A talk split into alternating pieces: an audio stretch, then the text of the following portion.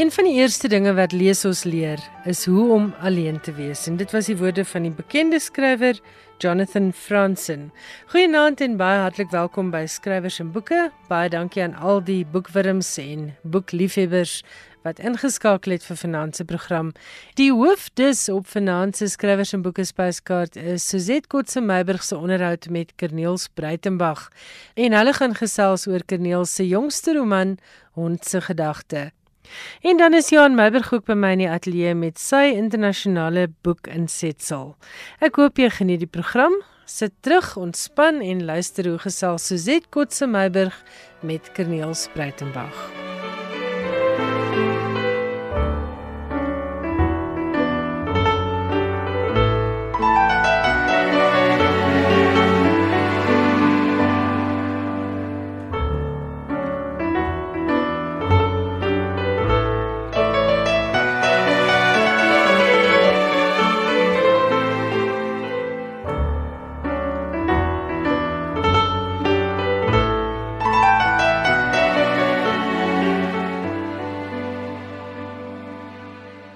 Ek verwelkom nou baie graag in die Kaapstad ateljee vir Suzette Kotse Meiburg. Suzette, goeienaand en welkom oudergewoonte by Skrywers en Boeke.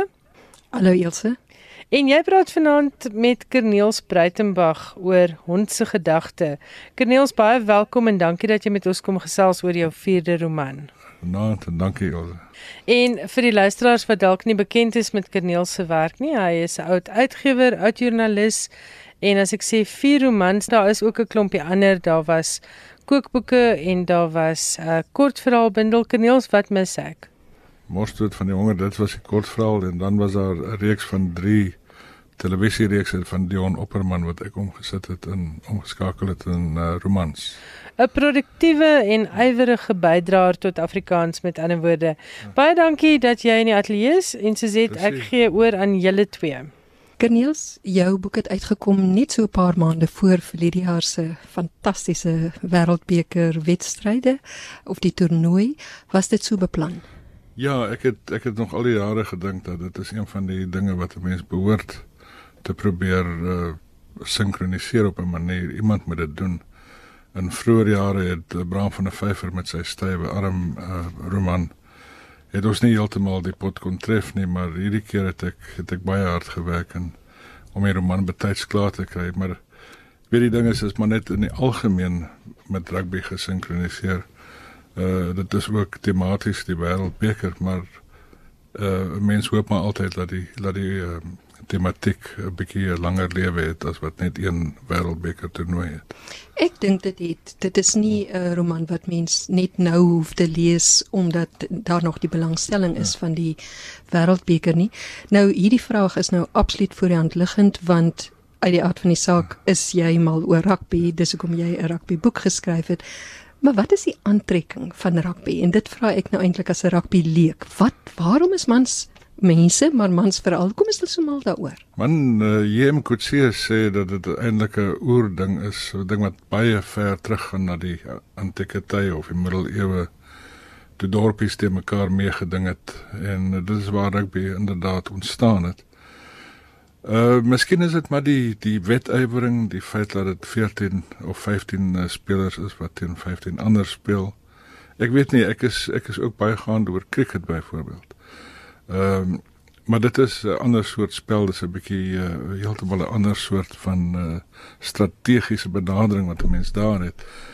Ek het ek weet nie, ek het uh, van kleins af het ek baie rugby gekyk saam met my pa. Jy weet hy was iemand wat ehm um, namens die ou Transvaalse rugby voetbal eenheid het hy na wedstryde gaan kyk om skeieregters te beoordeel. Mm. So op 'n manier het ek die reëls ingekry met 'n lepel en meer wedstryde gesien en ek dink as wat regtig nodig is want mense kyk 'n ongelooflike klomp slegte klubwedstryde. Ek onthou altyd die vrewel waarmee ek saam met hom gegaan het na Simmer en Jackson velde daar dis kan Germiston. maar nou ja, jy weet dit is dis een van daai dinge is jou vakleerlingskap dink ek. En die liefde bly. Ek moet sê ek is deesdae nie meer so heeltemal gaande oor rugby nie. Laas jaar se wêreldbeker was my fantasties maar ek vind dat ek vanjaar vir die superreeks wat nou op hande is eintlik geen belangstelling het nie. Mm. Ek, eh, dit is vir my eintlik nie belangrik nie. Hoekom nie? Ek weet nie rugby het 'n bietjie vergaan vir my, uh verseil geraak in uh allerlei belaglike reëls en ek dink ook die professionele sy daarvan het van rugby iets anders gemaak as die spel wat ek as kind leer liefkry het. Wat is die groot verskil, sou jy sê? Wel, daar, jy weet nie, laat ek liewer sê, in die ou dae het jy altyd aangeneem dat 'n speler speel vir 'n span omdat hy werklik daar wil speel. Hy speel vir sy land omdat hy die land graag wil verteenwoordig. Deesdae is daar 'n ander element wat nooit regtig uitgesproke is nie, maar dit is dat dit mense is geldspelers. Ehm um, dit is baie moeilik om iemand wat 'n paar miljoen rand per jaar verdien te motiveer om nog steeds alles te gee as hy um, in sy agterkop die feit het dat hy moet miskien sy liggaam spaar sodat hy volgende jaar weer 'n klompie miljoen kan verdien. Ja, en spelers word gekoop deur ja, ander lande, ander ja, klubs. En loyaliteit word gekoop. Jy kan maar kyk hoeveel Suid-Afrikaners sit op die oomblik in Europa en speel. In jou boek wat nou vir my as 'n rugby leek vreeslik interessant was, was al hierdie klein goetertjies wat ek nou op geen ander manier ooit insig in sou gekry het as ek nou nie jou boek gelees het nie. Dit lyk asof jy vreeslik baie binnekennis van die spel het.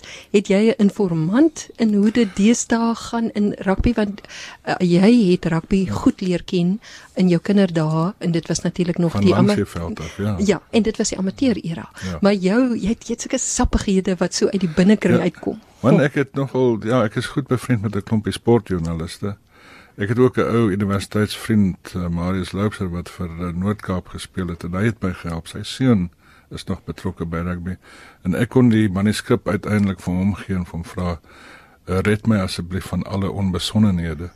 Um, een van die keerders uh, van die roman was Willie Burger wat ook vir my van een van die grootste verleenthede denkbaar gered het ek het nog lustig die spelers laat insmeer met deep heat.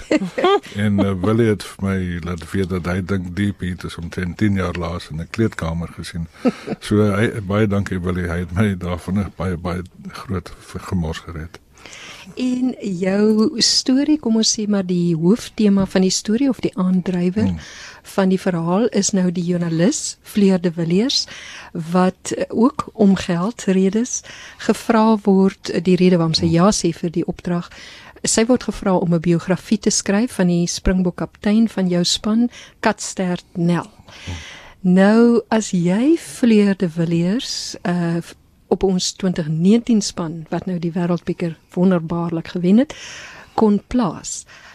Oor wie sou sou vleer dan 'n uh, biografie kon skryf? Man ek ek ek het 'n vermoede as ek nou kyk wat daar reaksie was op die spelers in die boek is daar een uh, BT de Klerk big time de Klerk wat eintlik volledig geskoei is op Dwayne Vermeulen. Ehm um, en uh, ek dink sy sou van hom waarskynlik die meeste gehou het. ek ek het ook agterna gedink dat in die uh, 2019 span was hy waars, waarskynlik die een besielende faktor. Mm en jy bring 'n klomp van jou bekende um, belangstellings mm. bymekaar in die boek en dit is natuurlik vir 'n skrywer dink ek baie lekker om uh, sommer vir die lekker amper jou kennis van musiek en jou liefde vir musiek en jou kennis van kos in te weef by die verhaal ook 'n liefde vir filosofie. En daar's 'n literêre verwysing wat my nou besonder baie geamuseer het en dit is die verwysing na John Miles se boek Blaaskans, die ja, bewegings ja, van Flipnel, ja, ja. want toe ek 'n eerste jaar was op universiteit was dit daai boek was een van ons voorgeskrewe boeke. Ja, so hoe hoekom het jy in John Miles ek aanvaar as 'n ou vriend van jou? Ja, ons is goed bevriend. Ek het uh, uh ek het die boek ook destyds met baie groot plesier gelees. Ook omdat John in daai tyd al al gewerk het met iemand wat 'n uh, wat 'n buitestander is in die in die rugby kringe. En uh toe ek 'n naam skryf vir vir die vir die kaptein van die span het ek verskriklik geskip aan hierdie kant toe en daardie kant toe en ek kon net nie een kry wat vir my reg lui nie. Jy weet 'n mens moet op 'n manier ook lief raak vir die naam van daai karakter. Hy moet vir jou aan die karakter kleef. En toe het ek vir John geskryf en hom gevra of hy dink Flip Nell het ooit 'n seun gehad. En hy het toe vir my gelaat weet hy hy kan nie onthou nie, maar ek kan maar hom een gee. En toe het ek vir Flip inderdaad 'n seun gegee en ek het toe vir John gesê ek wil graag vir hom vernoem na John se plaas, Katstad Laagte. Ja. En dit is waar Katstad vandaan kom. Daar's niks niks uh, skinnigs aan die naam nie. Uh dis 'n baie dis 'n een eenvoudige manier aan, om aan John dankie te sê vir die gebruik van sy. En wat jy toe ook nog daar gewen het, ehm um, is die lieflike fyn ironie van die katstert besit die hond of, of uh, ja, ja, is dan nou besit klink hom nou erg. Katstert is die baas van die hond wat ja. so 'n baie groot rol in die uh, boek speel. Ja. Ja, ja. so met 'n naam soos Katstert en hier sit hy met 'n ja, hond. Ja. Uh, en dis nog 'n voor die hand liggende vraag. Is jy 'n hondeliefhebber? Ek is inderdaad en en die ding was toe ek die roman begin skryf het, het ek was my hond Jasper, was ook 'n groot Duitse herdershond was in sy laaste jaar, jy weet, herdershonde het mos hierdie probleem met die agtersteewe en die reumatiek en allerlei dinge wat verkeerd gaan met uh, met die hond se agterkwart. Die heupe. Die heupe en uh, hy was ek hy, ek het met hom regs een van daai dinge, jy weet, 'n mens gaan stap met die hond in die duine daar by Betty's Bay en langs die strand. En as jy alleen is, praat jy met jou hond en die, die al hierdie dinge het maar op 'n manier deurgesuur. En so ek het Jasper in gedagte gehad toe ek met Dok ge uh, begin heel het. maar Dok het natuurlik 'n uh, uh, eintlik Dok Kruiven se stem gehad en ja. en al daai dinge. En ek het vreeslik baie in Dok Kruiven gaan gaan sy geskiedenis probeer vasstel. Ek ons wil nou glad nie die uh, enige geheime verklap hier nie. Maar hoekom het jy dan die Kruiven gekies? Dis weer eens 'n voorhandliggende vraag, maar hy is al 'n bietjie ver terug in Suid-Afrika ja. se rugby geskiedenis. Hoekom spesifiek dan die Kruiven? Man, ag daar's daar's daar's vreeslik baie dinge. Ehm um, kyk, Kruiven het in sy in sy tyd het hy baie opmerkings gemaak oor swart spelers en die gebruik van swart spelers. Maar hy was ook die man wat destyds die uh ehm um, die daai fameuse akker 15tal. Dit was 'n klomp mense wat altyd in die akker bymekaar gekom het en en dop gesteek het. Uh, as studente en hulle toe 'n 15tal geskep wat nie uh, wat uh veel rasse gespan was in 'n tyd wat daar so iets hoegenaamd nie toegelaat is is nou in die vroeë 80s. Ja. Vroeë middel 80s. En Kruiven het sy beskermende hand oor hulle gehou. Uh, ek het net gedink jy weet dat op 'n manier het hy tog kon voorsien wat in die in die toekoms sou gebeur. Hy het ook die probleme met professionele rugby voorsien en uiteindelik tog op 'n manier gekapituleer en dit laat toelaat en laat inkom met daai uh, Cavaliers toer de, van destyds. Maar ek weet nie, ek het net altyd 'n baie groot agting vir hom gehad. Jy weet toe ek op Stellenbosch was, was hy nog daar. Ehm um, mense het hom gesien loop. Uh, ek het sy een seun geken en weet seker tipe van goed op 'n manier wil jy graag hulde bring al is dit met 'n omweg. En ek het uh, hom met die grootste respek behandel, oor die feit dat ek sy stem aan my hond gegee het. Is miskien vir albei 'n kompliment. ja, want ek sou waag om te sê uit wat ek nou uit jou boek uit hmm. aflei mm. en ook daarom wat ek al gelees het oor Doc Kruiven mm. en en ook die klomp ehm um, toekennings en bekronings wat hy gekry het en erkenning wat hy in die internasionale toneel gekry het. As 'n mens dink aan rugby in Suid-Afrika, is hy seker die een uitstaande persoonlikheid. Ja, maar ook 'n man met geweldig baie fasette, baie groot insig in die sielkunde gehad.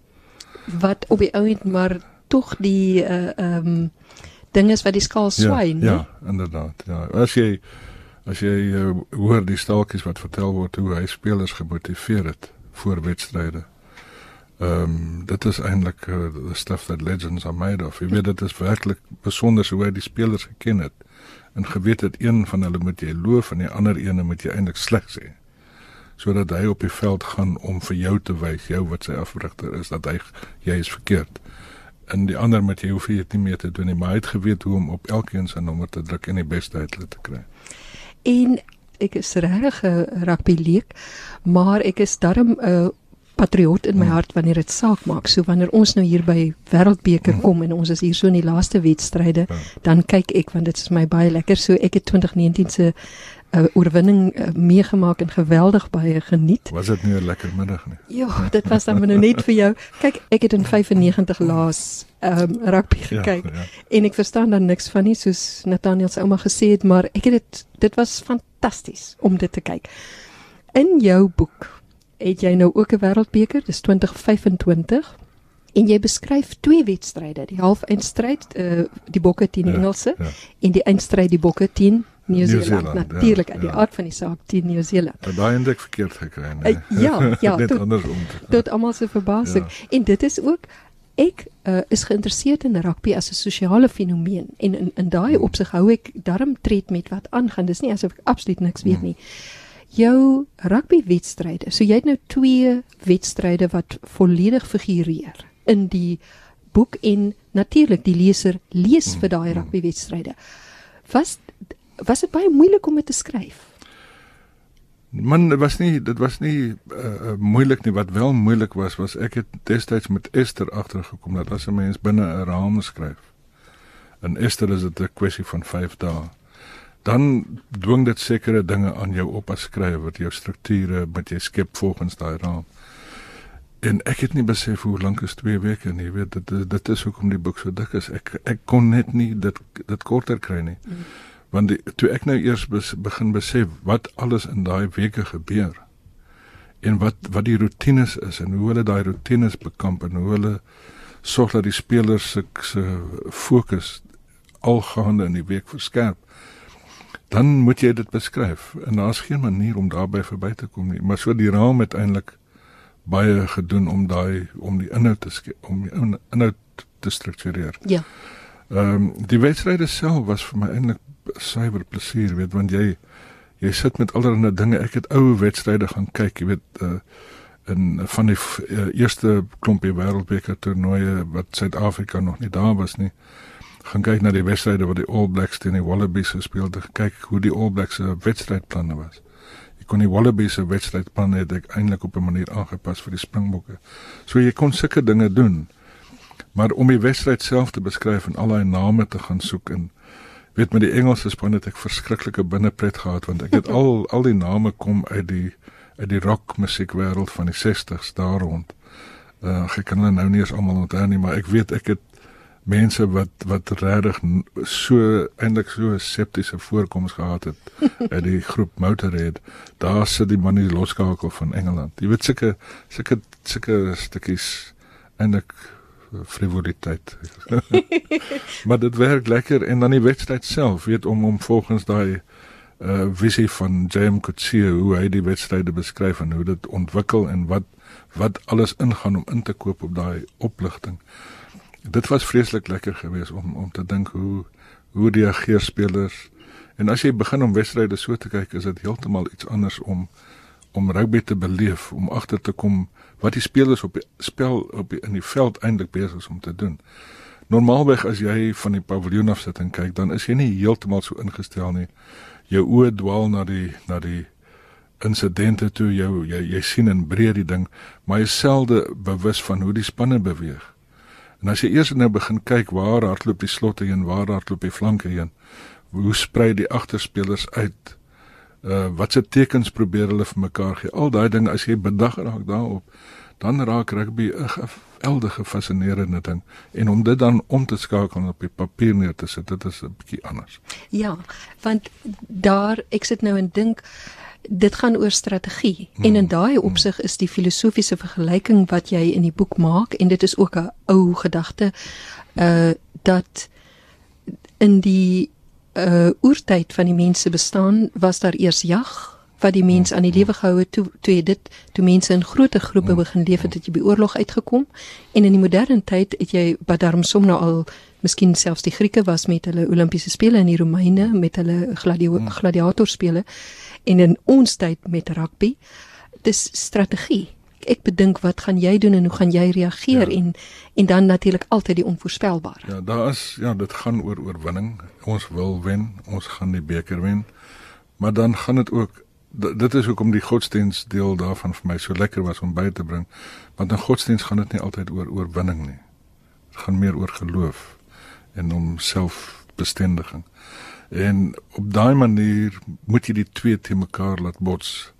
Die hele tyd sê Katsternel hulle daai die gebede wat die mense daar bid voor die wedstryde en na die wedstryde. Dis alles 'n poging om verootmoed uh, om om om nederigheid te kry. Maar dan tog is daar ingebou in die hele ding is daar daai geweldige dryfkrag om te wen. So dis 'n konflikterende ding, maar wanneer die groot insident dan kom rondom Katstert en sy hond heel aan die einde van die wedstryd, dan draai die hele ding en, ja. en en en dan is daar die kwessie van geloof wat inkom. Ja, wat glo jy? Ek was baie beïndruk met hmm. wat jy doen met die einde van jou boek werklik pyk gedoen maar ons Dank gaan nie 'n woord daaroor ver, oor verklap nie. Uh jy's die ding van godsdiens. Was jy nie bekommerd dat dit 'n uh, baie ehm um, kontroversiële element is om so duidelik so absoluut uh, ingeïntegreer in 'n verhaal ja. in te sluit nie? Man uh, ek was baie bang daarvoor en daarom het ek ook godsdiens met respek behandel in die boek. Maar die ding is en dit is iets wat uit my studente daar al kom. Ek is ge geïnteresseerd in godsdienst, dit is vir my baie belangrike ding. Soos meeste mense maar gaan 'n mens deur tye van geloofsvermindering en vermeerdering en ek het gevind na die dood van my vrou was daar 'n wilde tydperk van geloofsvermeerdering en versterking. Maar 'n mens stry altyd met jouself en jy het altyd daai innerlike stryd en jou agnostisisme kom ook deur en weet ek al hierdie elemente was vir my deur die jare baie belangrike ding want 'n mens hou jouself ook op op 'n manier op 'n afstand dop en jy wonder hoekom is ek nou soos ek nou is? Hoekom het ek gegroei tot by hierdie punt? En dan hoekom het ek verander na iemand se dood? Weet, weet daai tipe van goed. En ek het dit alles probeer verwerk want uiteindelik ehm um, is die vraag wat ek die roman wou vra is wat is vir jou nodig om te glo? En uh ek weet wat die antwoord vir myself is en ek dink dit is in die in die ek het dit so ambivalent as moontlik in die slot probeer inplaas. Maar dit is tog 'n belangrike vraag. Wat wat is jy werklik bereid om te glo? En uh hoekom glo jy soos jy glo? As jy nie glo nie, en dis vir my een van die interessantste dinge van die moderne tyd is dat die die die grootste proselite, die die mense wat die mees fanatiese is oor geloof is die mense wat glad nie glo nie. Ja die die ateëste is die mense wat die strydvaardigste nog die koerante bestorm het en deur die koerante probeer werk het die afgelope hoeveel jare. Uh Christopher Hitchens, um, Dawkins, daai mense. Ja. En dit is vir my 'n interessante verskynsel, jy weet dat die nie geloof is 'n geloof. Presies, ek het dieselfde ding ja. al talle kere gedink ook oor 'n sekere prominente persoon in Suid-Afrika jou boek is speel in die toekoms af, maar dis nou nie ver in die toekoms nie. Op hierdie stadium waar ons nou staan, uh, is dit maar 5 jaar. Maar hoe sien jy die Suid-Afrikaanse samelewing in jou kop? Hoe lyk ons Suid-Afrikaanse samelewing oor 5 jaar? Dit is een van die van die van die moeilikste vrae wat ek nog gekry het. Ek dink uh uh dis duidelik dat daar 'n diaspora aan die gang is onder die uh, vorige magshebbers, die wit bevolking. Ehm um, alles duidelik besig om te verminder. So dit gaan vir die taal sekere konsekwensies hê. Dit gaan vir onderwys sekere konsekwensies hê. Uh, dit is duidelik dat die uh uh dat die groot probleem van oorbevolking en armoede ehm um, is besig om te vererger en dit lyk nie vir my asof die owerheid eintlik dit kan kan uh, weerstaan nie of hoekslaan nie. Ehm uh, so ek dink in my gemoed is maar die ding wat in meeste ehm uh, mense wat politiek bewus is uh, gemoed aan die gang is is in watter mate die magshebber bereid is om om selfondersoek te doen en en woes uh te vervolg aan mense wat oor oor uh, die wette oorskry het. So dit is die die groot dinge as gaan die gaan die armoede getem word, gaan daar welvaart geskep word deur werks geleenthede wat geskep word. Is ons in 'n afwaartse spiraal wat nie om omgekeer kan word nie. Al daai tipe van dinge. Maar ek dink die oomblik wanneer 'n mens in daai soort van droefgeestigheid in verval, is daar altyd vir my die ander sanerende gedagte dat en dit is dat die land eintlik struktureel nog steeds daar is. Ons dinge werk hoofsaaklik ehm um, as die kragopwekker net kan werk. maar dan is die land is daar is daar is baie uitdagings. Ehm um, ek hoop persoonlik dat al die strukture wat daar is en al die ehm um, beskawende diepe van dinge wat ingebou is in ons konstitusie uh, uiteindelik die die uh, land sal deurtrek. Laaste vraag, werk jy aan 'n volgende boek? Ja, ek is besig aan 'n volgende boek. Ek weet die, die dinge is hulle opperman het altyd gesê mense moet nou nie praat oor die broodjie wat in die oond is nie. Uh, so ek sal nou nie te veel verklap nie, maar ek kan ek die ding wat ek wel kan sê is dat in my uh lewenspad is daar 'n paar dinge wat my altyd gekiel het. En die een is hoe hoe is dit regtig om oud te word? En uh, ek dink ek kyk 'n bietjie daarna en uh, die ding is toe my pa 60 was het ek gedog hel weet. Ek is baie bly hy het so oud geword. Nou is ek by 60 verby en ek voel nog so jonk. Uh die dinge perspektiewe verander En ek dink as 'n mens net daai dinge 'n bietjie onder woord kan kry, dis vir my 'n baie groot uitdaging. Ehm um, want ek het dit baie anders beleef. Het my vroeë 60's is heeltemal anders as my laat 60's. En uh ja, kom ons kyk of ons daar iets kan uitkry. Nou maar alles sterkte met die skryf en baie dankie vir die gesels. Dankie Suzette. Dankie Elsə. En Kerniels, ek wil dan net vir die luisteraars sê, ek het so 3 woord bydra tot jou roman gelewer die Suid-Afrikaanse span hulle oefen op 'n skool se sportveld en dit is Kerneels se alma mater Hoërskool Alberton. En my kinders is in Hoërskool Alberton, so ek moes net vir hom gaan seker maak die paviljoen se naam is nog dieselfde. Ja, Seefleru. Seefleru. Kerneels baie geluk met nog 'n wonderlike bydrae tot baie. ons leesskat. Ek dink dit is definitief 'n boek wat deur meer as rugby liefhebbers geniet sal word. En dankie Suzette en Kerneels vir die baie lekker gesprek. Dankie Elsə. Dankie Elsə. Jy het geluister na Suzette Kotse Meiburg in gesprek met Kerniels Breitenberg en hulle het gesels oor Kerniels se jongste roman Hond se gedagte. Dit word uitgegee deur Iman en Resou. Skrywers en boeke. Alles wat jy oor die boekewêreld wil weet en meer. Johan Meiburg is by my in die ateljee en Johan, dit lyk my jy skop af met nuus oor 'n baie gewilde ontspanningsfiksie skrywer.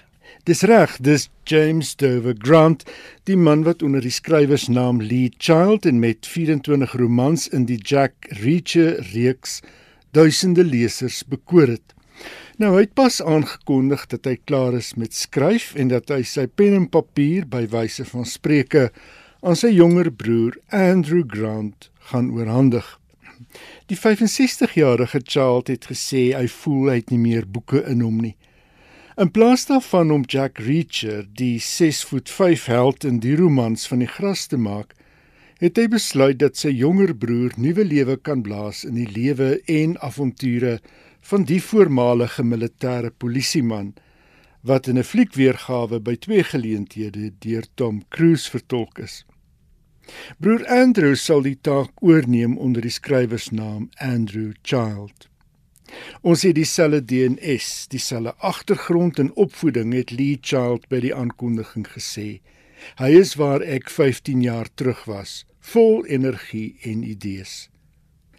Die plan is dat die twee skrywers saam aan die volgende paar romans werk waarna Lee Child dan gaan uittreë. Lee Child het in 1995 begin skryf nadat hy sy werk verloor het as regisseur by die Britse Granada Television. Sy eerste Reacher roman, Killing Floor, het in 1997 verskyn. En sedertdien het hy meer as 'n miljoen boeke verkoop en onlangs het Amazon aangekondig dat hy beplan om 'n TV-reeks te vervul. The Sentinel, die 25ste Jack Reacher roman, verskyn in Oktober. Kyk, ons het nou van alles gehoor. Ons het nou van skrywers gehoor soos Wilbur Smith wat nou skryf spanne inroep om sy Ja. boeke te skryf, maar om nou te sê ek gee dit oor aan my broer want ons het dieselfde DNS. Wel die broer is blykbaar ehm, 'n um, bekwame skrywer in eie reg. Okay. Ehm um, Maar, maar wat van jy maak dan nou maar vir Jack Reacher dood in jou laaste roman of hy wil dalk ook afgetree het. uh, Jack Reacher wil dalk nog 'n hele paar rand verdien. Ah, oh, ek is altyd so naïef oor hierdie goeters Johan. Dankie vir die regstelling. En dan jou volgende bydrae is oor Hugo Claus. Die Afrikaanse vertaling van die Belgiese skrywer Hugo Claus se omvangryke roman van 1983, net minder as 800 bladsye, het Verdriet van België, verskyn binnekort by Protea. Die vertaler is Daniel Hugo wat met sy vertaling van Tom Lanois se Sprakeloos en Stefan Hertman se Oorlog in Terpentyn 2 jaar na mekaar die Suid-Afrikaanse Akademie vir Wetenskap en Kuns se vertaalprys verower het. Het Verdriet van België word gereken as Klaus se vernaamste werk en te gelyk as een van die belangrikste romans uit die naoorlogse Europa. Dis 'n grootword roman met die ervarings van Louis Senave, 'n alter ego van Klaus as skoolseun in die omgewing van Kortrijk tydens die Tweede Wêreldoorlog. Veelsidig was Klaus gewis. Benewens romanskrywer was hy ook digter, kortverhaalskrywer, dramaturg en skilder. Klaus is in 2008 op 79 in Antwerpen dood. Goed en jy sê dit verskyn by Protea. Binnekort. Die titel net weer? Het, het ver- verdriet van België. Het verdriet van België. Ek kon nie 'n Afrikaanse titel vir die boek kry nie, maar ek vermoed dit sal iets wees soos Die verdriet van België. Goed, dan het jy ietsie waarby ons 'n stukkie musiek gaan inwerk. Wel, Polly Sampson, Engelse skrywer en joernalis wat ook by geleentheid lirieke vir Pink Floyd geskryf het. Sy's getroud met David Gilmour, gitaarspeler en later voorsanger van die rockgroep. Publiseer later vanjaar 'n boek wat die literêre en musiekwêreld in afwagting het. A Theatre for Dreamers is die gefiksionaliseerde verhaal van die verhouding tussen Leonard Cohen en Marion Elen in die 1960s op die Griekse eiland Hydra. Volgens Bloomsbury, die uitgewer van die boek, speel die roman af in 1960. Bobby en Erika, 'n broer en suster, probeer wegkom van grys Engeland na die dood van hul ma en besluit op Hydra, die eiland waar hul ma se vriendin, die flamboyante Australiese skrywer Charmaine Clift, omring deur digters en skilders en musikante 'n verstrengelde boheemse lewe lei. Onder die eilandbewoners is die Noorse skrywer Axel Jensen en sy mooi vrou Marianne en die digter Leonard Cohen. Dit is die Marianne oor wie Cohen skryf en sing in sy 1967 treffer So Long Marianne. By 'n huldigingsgeleentheid kort na Cohen se dood in 2016 het Samson een van haar gunsteling anekdotes oor Cohen vertel. By sy aankoms op Hydra het hy moeite gehad om aan die skryf te kom en die telefoonpale wat pas op die eiland opgerig is en wat hy buite sy venster kon sien, het hom besonder boos gehad. Dit was toe dat Marianne hom daarop gewys het dat as voëls gewoond kan raak aan die draad, hy dit ook kan doen. Dit was die ontstaan van die liedjie Bird on a Wire met die woorde Like a bird on the wire, like a drunk in the midnight choir, I've tried in my way to be free. A Theatre for Dreamers verskyn in April. Van Polly Sampson het 4 boeke reeds verskyn: Lying in Bed van 2000, Out of the Picture 2001, Perfect Lives van 2010 en The Kindness van 2015. En Johan Meiburg se bydrae bring ons dan ook aan die einde van vanaand se skrywers en boeke. Dankie dat jy saamgeluister het. Die SMS nommer is 45889 en my e-posadres is skrywersenboeke@rsg.co.za. Volgende Woensdag aand is ek terug en dan kyk ons na nog 'n interessante spanningsverhaal, hierdie keer uit die pen van 'n debuutskrywer. Bly gerus ingeskakel vir die res van vanaand se musiekprogramme en al die ander interessante geleenthede hier op RSG. Tot ons weer saamkuier volgende Woensdag aand om 8uur net hier op RSG. Groet ek Elsje Salzwetel. Totsiens en lekker lees.